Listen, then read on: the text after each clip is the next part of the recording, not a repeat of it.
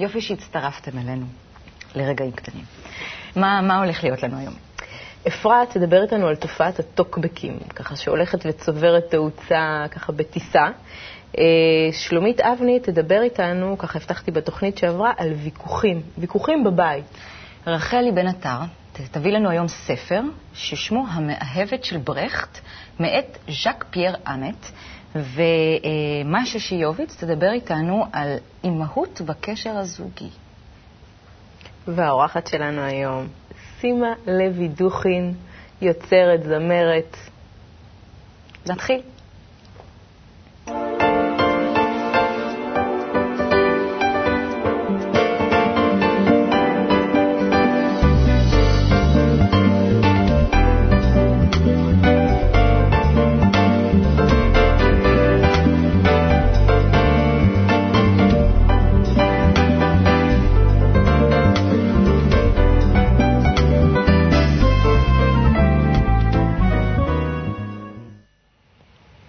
אפרטוש, מה דקת לנו היום? היום אנחנו נדבר על uh, טוקבקים, לטובת מי שלא יודע מה זה, אז ככה הסבר של 20 שניות. יש לנו המון המון כתבות באינטרנט, אחרי כל כתבה יש אופציה ל- לרשום תגובה. התגובות האלה נקראות טוקבקים, אפשר להגיב לתוכן של הכתבה, אפשר להגיב אחד לשני, וככה אנחנו רואים uh, תגובות ככה משתרכות להם שם הרבה אחרי הכתבה. מאות uh, תגובות. ממש, מדהים. כאילו, זה כבר תופס מקום הרבה יותר מרכזי מהכתבה עצמה. זה לא להאמין, זה פשוט הפך לזירת היאבקות. כולם שם יורדים על כולם, מכסחים אחד לשני, אין שום קשר לתוכן של הכתבה, אגב. Mm-hmm. זאת אומרת, מישהו זורק איזה משהו, ואז יש שרשרת תגובות לא הכתבה. אני אגיד לך את האמת, אני כשאני הולכת לכתבה, אני קוראת טוקבקים. גם אם אני רוצה, נגיד, למצוא דירה, למצוא מוצר, משהו, אני ישר קוראת את התגובות. בכלל, בכל נושא זה מעניין לקרוא את התגובות, חלקן מצחיקות, חלקן... יש הכל מהכל, אה, זה נחמד, אבל באמת אנחנו רואים שהתרקמה שם איזו, איזושהי מערכת יחסים בטוקבקיסטים קבועים ומתחלפים, ששם נכנסים טוב טוב אחד בשני, כן. ויש מעט מאוד תגובות גם ענייניות שנוגעות לכתבה. הרוב זה לא. אז הבאתי ככה כמה דוגמאות שנבין על מה מדובר. אה, יש פה כתבה בוויינט, למה להיעלם במקום לגמור את זה יפה? אה, על סיום של, אה, של קשר זוגי, איך יפה לסיים, איך לא יפה לסיים. ובאמת יש פה כמה תגובות ככה, בנות מנצלות את במת הטוקבקים לסגור חשבונות. עינת כותבת, יודעים מה יותר גרוע? עזבו אתכם, התקשר, לא התקשר, מה תגידו על זה שבדייט לקחתי כולה דיאט קולה, ובסוף הפגישה לא שהיה חסר לו כסף, ביקש ממני הקמצן עשרה שקלים. uh, כתבה אחרת uh, שנוגעת לזיכרון של דג, מחקר גם ישראלי כמובן, שמצא שדגים יכולים לזכור עד ארבעה-חמישה חודשים, מה שאנחנו בדרך כלל חושבים שזה שלוש שניות.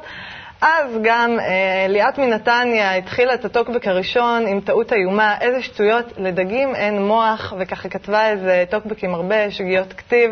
היא תתחרט על זה עוד מעט בגדול. זה בשר ל... כן, הם כאילו עטים על זה, פיראנות. אז אה, כן, 16 כבר מגיב לאחת, לדגים כן יש מוח, לגבייך אני לא בטוח, גם 17 אה, ליאת מנתניה די לסמים, 27 אומר שהיא נס רפואי, גם לך אין מוח, מסתבר שזה לא כואב, תנחומיי. בקיצור, אסור לעשות שם טעויות, והם משלמים על כל טעות בגדול. אה, וכתבה אחרונה, ככה שהיא גם נחמדה בפני עצמה, די לדמעות, איך חותכים בצל בלי לבכות, כתבה בוויינט עם כל הטיפים, אה, איך לחתוך בצל בלי לדמוע, אחלה כתבה. אה, אנחנו יכולים לראות פה באמת... גם פה יש תגובות. בטח, המון, מאות תגובות על הכתבה הזאת. טוב, השיטה הטובה ביותר, אני שם את תמונתה של חמותי מול עיניי וחושב עד כמה מר גורלי, כך בכי, הבכי מהבצל מתגמד עד שנעלם. החמות היא דמות מאוד אה, פופולרית בטוקבקים, אני חייבת לציין. עכשיו, אחד הטיפים היה לשים את הגפרור עם הראש כלפי חוץ, להחזיק גפרור כן, בפה סגור. כן. מכירה? ניסית? Mm-hmm. אז כנראה מישהי פה לא הבינה, תגובה 35, ניסיתי עם גפרור דולק בפה. אה, זה די מבאס, כי צריך לעבוד מהר מאוד, כל פעם להדליק גפרור חדש. גם נכוויתי פעמיים. את יכולה לתאר לעצמך שהטוקבקיסטים חגגו. אה, ל-35 התבלבלת, אכן מדליקים את הגפרור, אבל בפה מלא בבנזין. אנשים אה, נכנסים שם? כן, ובאמת הורגים שם אחד את השני, וזה מדהים. כל מקום שיש קשר בין בני אדם, קודם כל זה עליהום, מלחמה, כן. בדיוק, fight, לא רואים בעיניים. באמת, זה חבל, כי בעצם זאת פלטפורמה נהדרת, שבאמת כל אחד יכול לתת איזו דעה עניינית, ולא סתם ביקורת לשם ביקורת ולקטול את כולם. נכון, ולהשפיע אלא עם הדעה שלו. כן, איזושהי זווית ייחודית, באמת לתת את הייחוד שלו, את הדעה שלו, את ההשקפה שלו, והיא לא מנוצלת נכון, הפלטפורמה הזאת. אני חושבת גם שאנשים מחפשים איזשהו סוג של קשר. גם הייתה פעם עידית פה של לוי שאמרה שגם כשבן אדם בא וצועק עליך לפעמים, הוא לא תמיד כאילו, הוא רוצה איזשהו קשר איתך, ויכול להיות שככה הם עטים על כל כתבה כדי ליצור איזשהו קשר ביניהם, הם לא מכירים דרך שיטה אחרת. אז הם אה, מתנצחים, הלוואי. כאילו. יאללה, שנדע לנצל ונכתוב גם טוקבקים יותר אה, נעימים. רחלי, שלום. שלום וברכה. אני, אני מכירה את ברכט מהתיאטרון, מהמחזות שלו, מה כותבים עליו בספר? אה, תשמעי, זה הספר. מומלץ מאוד. אה, הוצאת עם עובד עשתה צעד מאוד גדול. זה הספר הראשון של ז'אק פייר אמט, שתורגם לעברית. הוא כתב למעלה מ-20 רומנים, ספרי מתח, מחזות. הוא, על הספר הזה זכה בפרס היוקרתי גונקור. הוא אה, מאוד מאוד מפורסם, ואני מאוד מברכת את עם עובד על הצעד הזה, ושהספרים שלו בעברית כן ירבו. הספר הזה מספר על ברכט, כמו שאמרת, אה, ברכט הוא אה, מחזאי, משורר גדול, הקים את הברלינר אנסמבל, הוא כתב את אה, המחזות הידועים ביותר, הנפש הטובה מסצ'ואן ואופרה בגרוש, שעכשיו הגיעה לארץ לכבוד חגיגות המאה השנה לתל אביב בקאמרי. אז הספר בעצם מתאר את חייו של ברכט אחרי שהוא אה, חוזר מגלות של 15 שנה, ב-1948 הוא חוזר לברלין, לברלין המזרחית, לגרמניה המזרחית שהוא אוהב, לקומוניזם, למרקסיזם, למה שהוא תמיד אוהב, והוא חוזר במלוא הכבוד, עם כל הכיבודים, ממש מוקירים אותו ואוהבים אותו, המחזאי של המדינה, נותנים לו כבוד. אבל השטאזי, הארגון המודיעין, חושש, חושש שכל הזמן שהוא היה במערב, שהיה באירופה, שהוא היה כמה שנים בקליפורניה, בארצות הברית, מרגיש אולי הוא, הוא קצת סטה מהמחשבה הקומוניסטית, ומוצאים פתרון ושולחים סוכנת שהיא שחקנית, שתתקרב אליו, מכניסים אותה לברלינר אנסמבל, מרגלים אחריו. והיא נהפכת למאהבת שלו, וזה התפקיד שלה. אני כזה קראתי את הספר, ועלו, הספר מעלה שאלות מאוד קשות על uh, מה קורה למהפכה, מהפכה קומוניסטית שפתאום הופכת למדינה, ומה קורה למורד, למשורר כזה, למחזאי שכותב בתקיפות, שפתאום החלום שלו והמרד שלו מתגשם, והוא פתאום נהפך ליקיר השלטון, ולא ל, ל, ל, למפגין שכותב...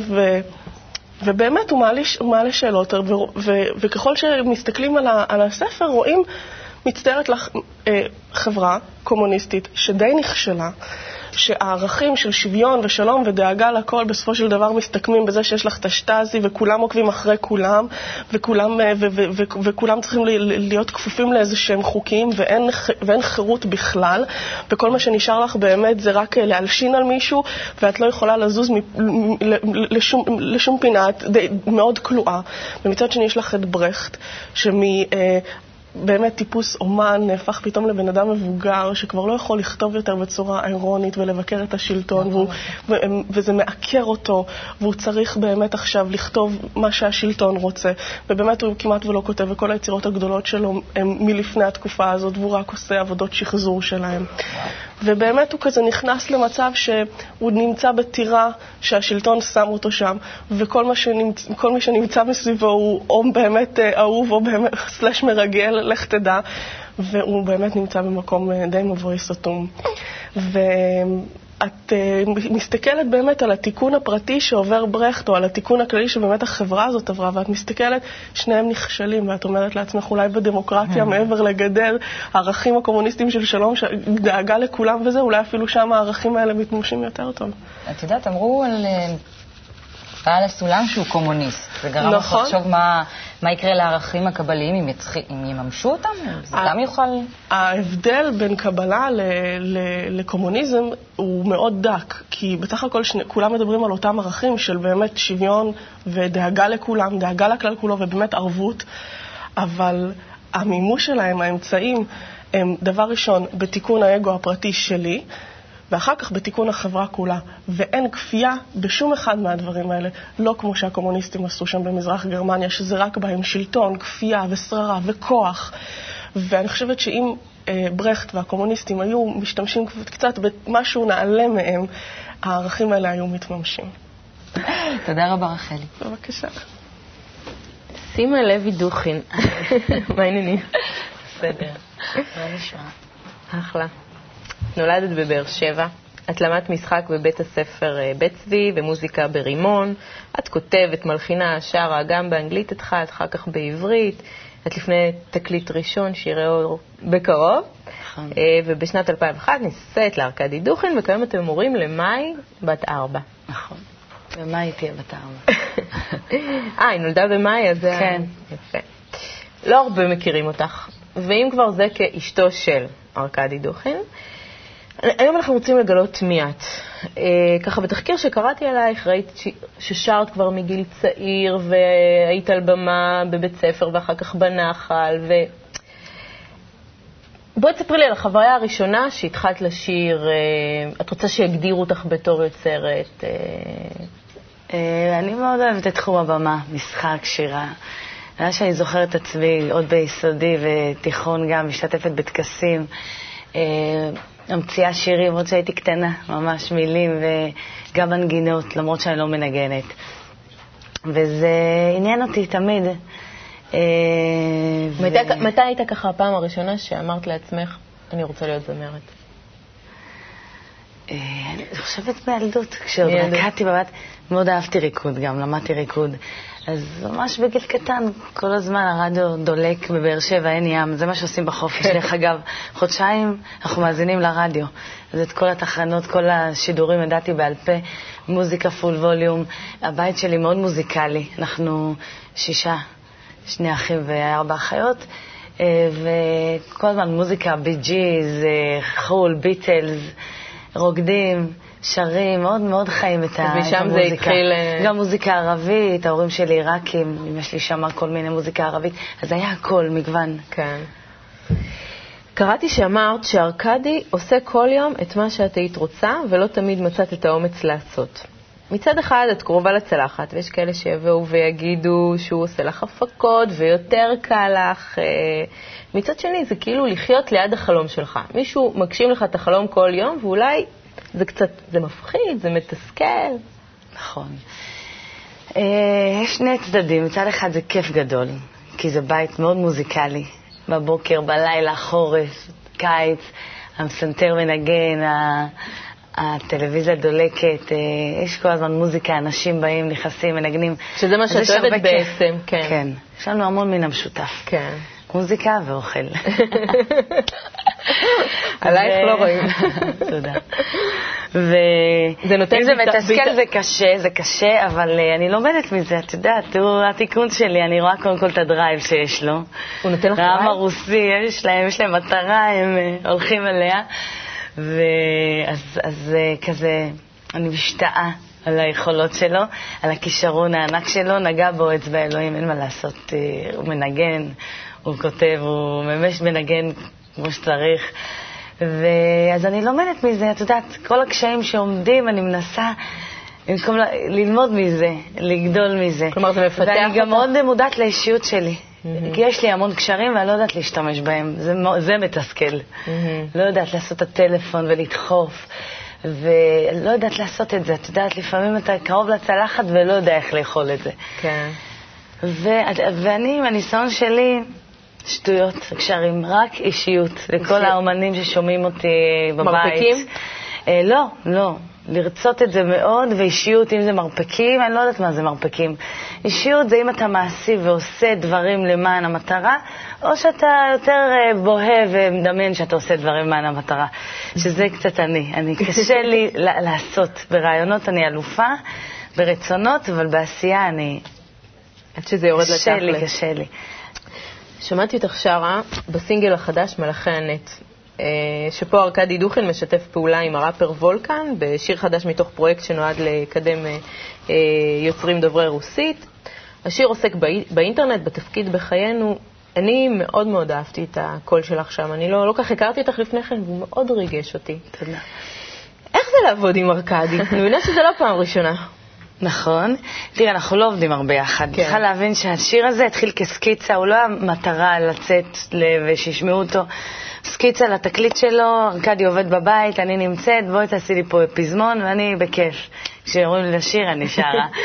באמת שיר מקסים, וזה, השיר הזה במקרה, זה יצא דרך סלקום, אהבו את השיר, וולקן הצטרף. עשיתי להם טובה, בוא נגיד ככה.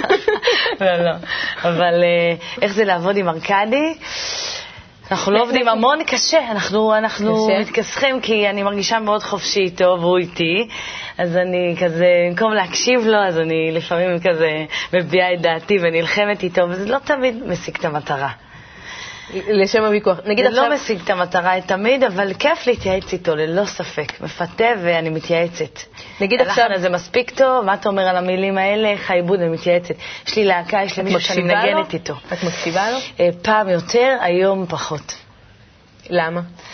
כי זה מאוד בלבל אותי כשהקשבתי לו, איבדתי את הדעה שלי. את הדעה כאילו, שלך. ארכדי אומר, אז כאילו, אז הוא יודע. אז צריך להקשיב לו, כי הוא יודע, יש לו ניסיון, והיום אני משתדלת פחות להקשיב לו. נגיד עכשיו אתם עובדים, להקשיב לעצמי.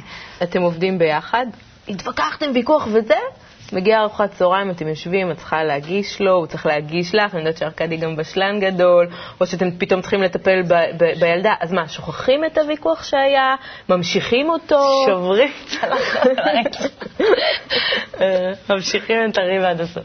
סתם, לא, לא צריך להגזים. אה, כן, מנסים ככה להתעלות. להתעלות מעל האגו? כן. ולהמשיך... אה, ולהמשיך.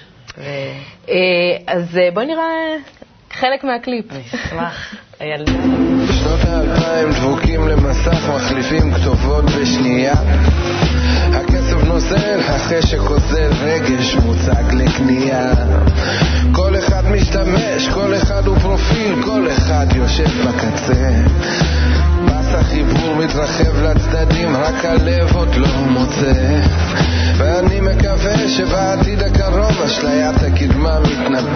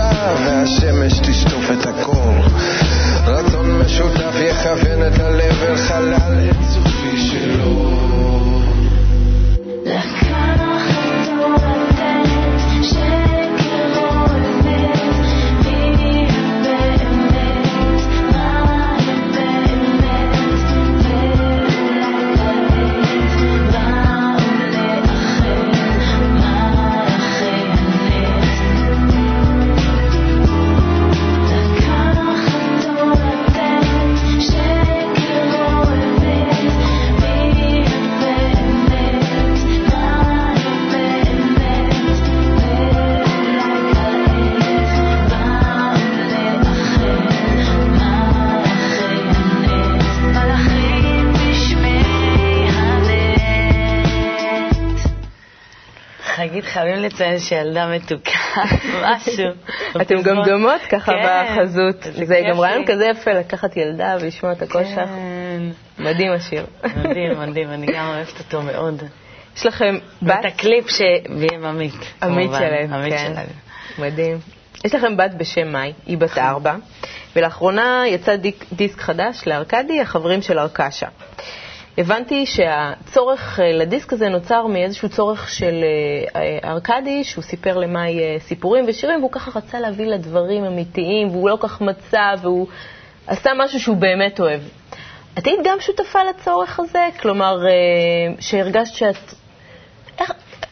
אני רוצה לשאול אותך גם מה האימהות עשתה לך, וגם כאילו בעולם של היום, שאנחנו רואים שהחינוך ולאן זה הולך, כאילו, הרגשת ש, ש, ש, שצריך לעשות משהו קצת יותר רציני לילדים, משהו קצת יותר... אה, האמת שבאמת אה, אני הייתי עדה לכל החוויה של ארכדי שהוא אוסף חומרים ולא התייחסתי לזה כל כך ברצינות. נראה לי שהייתי עסוקה בילדה ו... ובגידול שלה, והדיסק יצא מקסים והיה לו צורך אה, להביע משהו והוא עשה את זה. אה, ואני שמחה באמת שזה קרה.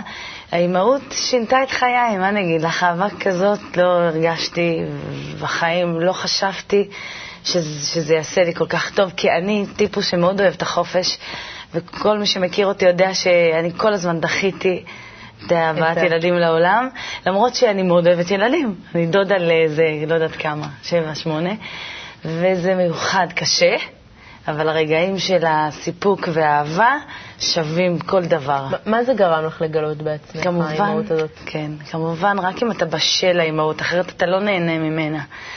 בתור אחת אה, שחוקרת את הנפש של האדם שנים, כשאתה בשל, מה זה נותן לי? קודם כל, זה באמת האקמול המיידי שהחיים נותנים לך, הכי מוציאה אותך מעצמך. אם את קמה איזה בוקר אחד ב... את רוצה להידבק לרצפה. להידבק כן. לרצפה, ואז היא באה וקופצת לך, מחייכת וזה, את יכולה לקחת את היד שהיא מושיטה לך, את יכולה גם להגיד, די, לא עכשיו וזה, אבל לקחת את היד שאת מושיטה, לך, את יוצאת מתוך עצמך, מחבקת, מנשקת, מגבצ'צ'ת אותה, וזהו, התחיל היום טוב. תני לנו טיפ קצר לצופים שלנו בבית לחיים טובים. מה את ממליצה להם?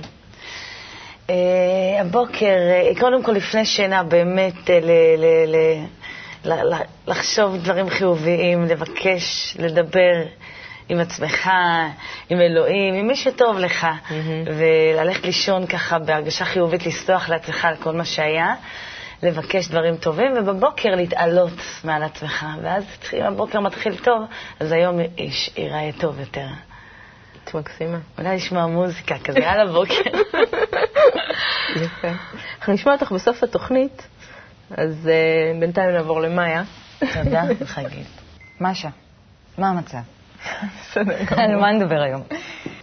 כשאני הייתי קטנה גדלתי במשפחה של אימא מאוד, מאוד דומיננטית, ותמיד אמרתי לה, תמיד היה לי כל כך כזה רצון ברור בראש שאני רוצה גבר חזק. כזה רמבו עם שכל של איינשטיין ואופי של בן לאדן, ככה, כן? שלא יהיה שום דבר של חולשה. כי תמיד כל דבר שהוא היה קשור ככה לאימהות ביחסים, שתהיה קצת אימא שלו וזה, היה נשמע לי כמו, את מכירה את הסרט של דיסניי, של Baby Duck, שזה כזה ברווז ענק, שהולך ככה עם מוצץ ועם חיתול, שהוא כבר ענק, אבל עדיין עם מוצץ וחיתול. תינוק מגודל. כן, ככה זה תמיד היה נשמע לי. אז, אה, אבל אחרי שנים, שנים שכן מוצאים את הרמבו, לא מוצאים את הרמבו, ככה קצת מתבשלים ומביאים ילדים, אז קצת חוזרים לנושא הזה מפינה אחרת, ממקום אחר. וכל הנושא מקבל קצת אור שונה. אז אה, בואי נדבר על זה. יש לאימהות ויחסים, יש לזה שתי רמות. רמה הראשונה זה הרמה הכי בסיסית, אה, גשמית, שבמיוחד בארץ יש את ההופעה הזאת שאת מקבלת אותו מהבית מוכן, מהאימא, למרות שהיו לו כבר יחסים והיו לו כבר חברות, אבל עד גיל 35-40 הוא עדיין גר אצל אימא, ואת מקבלת אותו מהאימא, ככה, שלא יודע לא לבשל, לא יודע כלום, אבל אפילו לא עניין של לבשל. כל, כל הצורת יחסים, הצורה שבה הוא פותר קונפליקטים, אם את תסתכלי על זה לעומק, הוא למד את זה מהאימא שלו, כי זו הייתה תמיד האישיות הנשית העיקרית ככה בחיים שלו. ואת מרגישה כלפיה- צורך לספק לו את זה? רגע, עדיין לא מרגישה שום צורך, אבל מזה, למה אני אומרת לך את זה? שמזה את יכולה ללמוד המון על הגבר שלך, המון. אוקיי. שתסתכלי איך היחסים שלו עם, ה... עם אימא שלו, שתראי, נגיד, הוא מדבר איתה בטלפון, ואחרי שני משפטים הוא שם אותה על רמקול, ואז הוא ככה מקשיב, כן? אז גם ביחסים שלך, את תראי שברגע שאת מתחילה יותר מדי לדבר, את רואה בעיניים שלו את הפעולה של שם על רמקול, והכל הופך ל... כן? אז אותו דבר. או, או אם הוא נגיד פותר, תמיד היה פותר קונפליקטים, שאת רואה אימא קטנטונת כזו, והוא כזה, טה, תוקף אותה, אז ככה הוא ינסה גם ביחסים, אותו דבר בדיוק. ואת תלמדי איך ככה, ככה הוא פעל כל החיים שלו כלפי האישה היחידה שהוא הכיר, בדיוק באותה צורה הוא יפעל כלפייך. וככה תלמדי עליו המון. על איך שהבית מתנהל, על איך שהיחסים מתנהלים, על איך פותרים קונפליקטים, המון. זו הרמה הכי גשמית. עכשיו, יש מעל זה עוד רמה, שעליה אנחנו חושבות מעט, שהרמה השנייה הזאת, הדרגה השנייה הזאת, זה דרגה של יחס תמידי, אימהות תמידית, ניהול והדרכה. כמו שאת יודעת, ילד כזה לומד ללכת בן שנה ככה, רץ לכביש, רץ לקיר, טה-טה-טה-טה-טה-טה, ואת ככה כל הזמן מסובבת אותו עם העגלות הקטנות האלה, את יודעת, ואת מסובבת אותו ככה את וככה מובילה וככה. אותו בעצם. את מובילה אותו, והוא חושב הוא שהוא מרגיש הולך שהוא לבד, חופשי לגמרי. והוא חופשי, והוא... ואת יודעת בדיוק מה הכיוון. אז אותו דבר, זה ביחסים, פחות או יותר אותו דבר, שבאיזשהו שלב, אם את הרבה הרבה זמן איתו, ואת כבר, יש לך, בדרך כלל זה בא עם הילדים. חבל להגיד ש... אישה רווקה, מאוד קשה לה ללמוד את זה, כי זה דווקא מהסבל הזה שאת מביאה ילד ואת לומדת את זה ככה עליו, הקשר התמידי הזה של אהבה והדרכה, שלא באמת משנה מה בא מהילד, אלא ההדרכה הזאת של אני יודעת בדיוק לאן אתה צריך להגיע. ובזה אנחנו גם מגיעות למה שאמרנו בהתחלה, שאם את מתקדמת לרמה השנייה הזאת, אז אה, הוא לא יכול להישאר Baby Duck כזה. למה?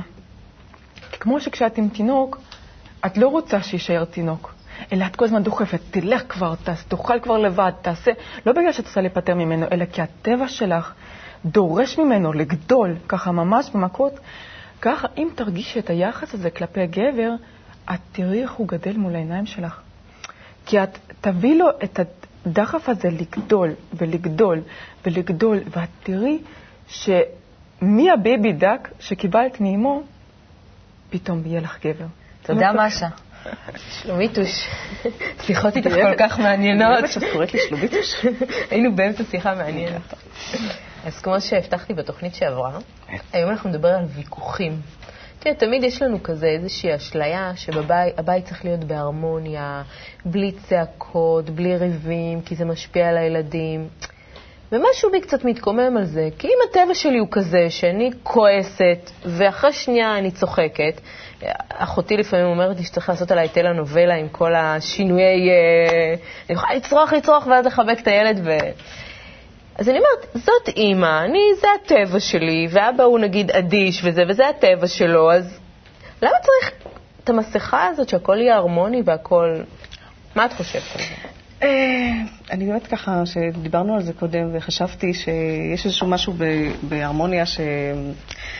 מי אמר שזה מה שצריך להיות? אה, הרבה פעמים הרמוניה אה, זה בדיוק הדבר הזה שיכול לקרות כאשר כולם אותנטיים. ולא כאשר כולם לא אותנטיים. כי בשם הלשמור הרמוניה, הרבה פעמים אנחנו קצת. מתכחשים לאיזה חלקים שבנו. כמו שאת אמרת, יש לי גם את זה וגם את זה. אני תמיד אומרת וחוזרת ואומרת שאחד המודלים זה פשוט להיות. אני חושבת שמה שאת אמרת קודם, שהאפשרות שלך להיות כזאת וכזאת וכזאת, מה שהילד יכול לקחת מזה, זה שגם הוא יכול להיות כזה וכזה וכזה. וכל הדבר הזה זה הרמוני. הרמוניה זה לאו דווקא משהו רגוע ושקט. הרמוניה זה חלקים שחיים בשלום זה לצד זה. זה לאו דווקא חייב להיות משהו רגוע. אז זה קודם כל התפיסה שלנו גם, כדאי ככה אולי לשנות אותה על המילה כן. עצמה של מה זה הרמוניה. מה לגבי ויכוחים? ולגבי ויכוחים, את יודעת, אה, כשמסתכלים על המילה, על המילה עצמה, ויכוח, אז אפשר לפרק אותה לשניים, לוי בכוח. אפשר להבין ניצחון אה, בכוח. קצת לגבי מה המטרות שם. אז הרבה פעמים, אה, את יודעת, אנחנו אנשים שעושים דברים לשם השגת מטרה. אה, וכשאנחנו מתווכחים באמת, אז המטרה שלנו היא לא רק אולי לשכנע את השני, אלא גם להראות נכון. בעיקר מי פה צודק. ואם יש צודק, אז יש גם, חייב להיות, מפסיד. מישהו שהוא שהוא טועה. לא צודק. שזה כשלעצמו מצר את החיים, כי זה בעצם קובע שיש רק מישהו אחד כזה ואחרים לא. אז אולי ככה ברוח הכבוד ההדדי לכולם אפשר לעבור מוויכוחים, שבדבר הזה אולי יש מנצח לרגע ויש הרבה הפסדים בתוך היחסים, למשהו שהוא אה, אולי מחלוקת בדעות, אולי אני חושבת אחרת ממך, אבל בעיקר אנחנו בעלי דעות שונים, שונות לצורך העניין הזה, ועכשיו בואו נראה איך אנחנו מסתדרים. אבל גם החילוקי דעות האלה יכולות להיות בצעקות? כלומר, אם באותו רגע אני רוצה לצעוק, נגיד שאני מתעלה מעל עצמי ואני לא רוצה לנצח, אלא באמת אני, אני רוצה שישמעו את הדעה שלי כי חשוב או, לי. למרות שזה לא כזה...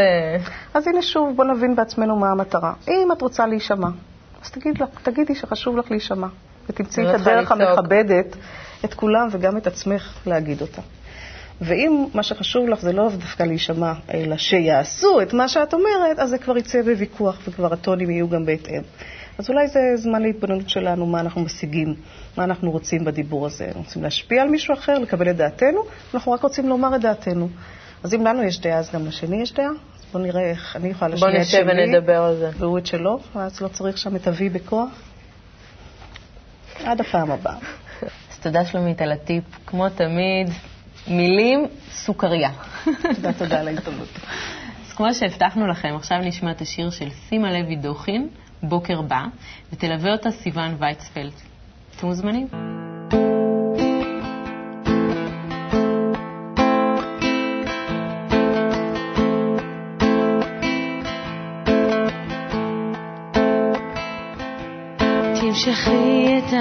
השמיכה,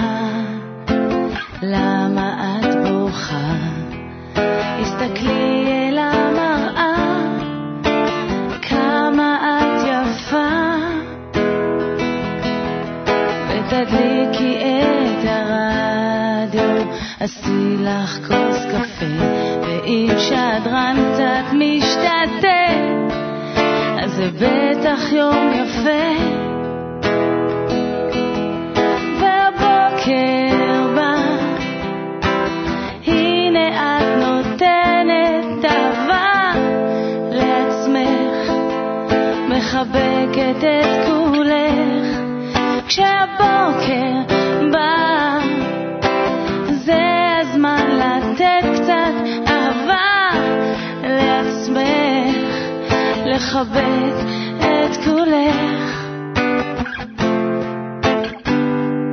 ואל תזילי אף דמעה, הפעם אין מה ששווה, הרי הבטחת כבר לעצמך, דיכאון לא בשבילך, ותודי שכבר נמאס לך לבחוש את הנושא, baby, תני חיוך יפה, זה האור שם בקצה.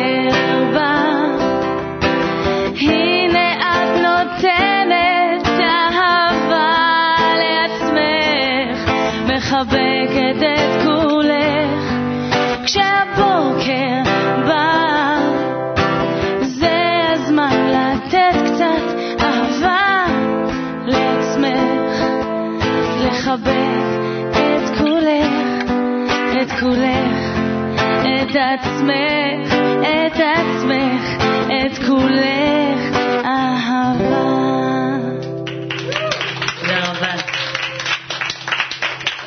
רגעים שאני נורא מקווה שעוברים את המסך ומגיעים אליכם. תודה שהייתם איתנו, תודה חגית, תודה בנות. נתראה בתוכנית הבאה.